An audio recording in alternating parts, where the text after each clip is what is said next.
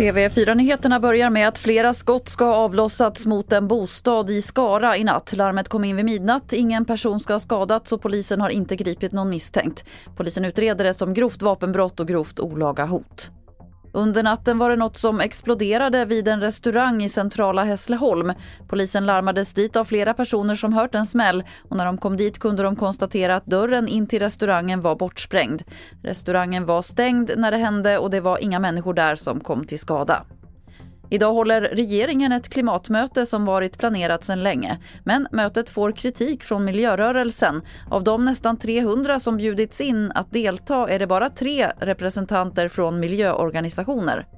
Syftet med klimatkonferensen är att ge inspel till den klimatpolitiska handlingsplan som regeringen ska lämna till riksdagen senare i år. Och fokus för mötet ligger på näringslivet som behöver rätt förutsättningar för att satsa ännu mer på den gröna omställningen. Världsnaturfonden, Naturskyddsföreningen och den mindre kända föreningen Ekomodernisterna är välkomna.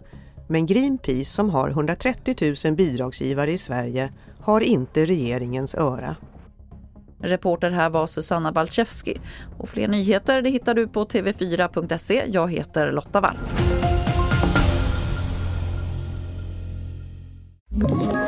Ett poddtips från Podplay.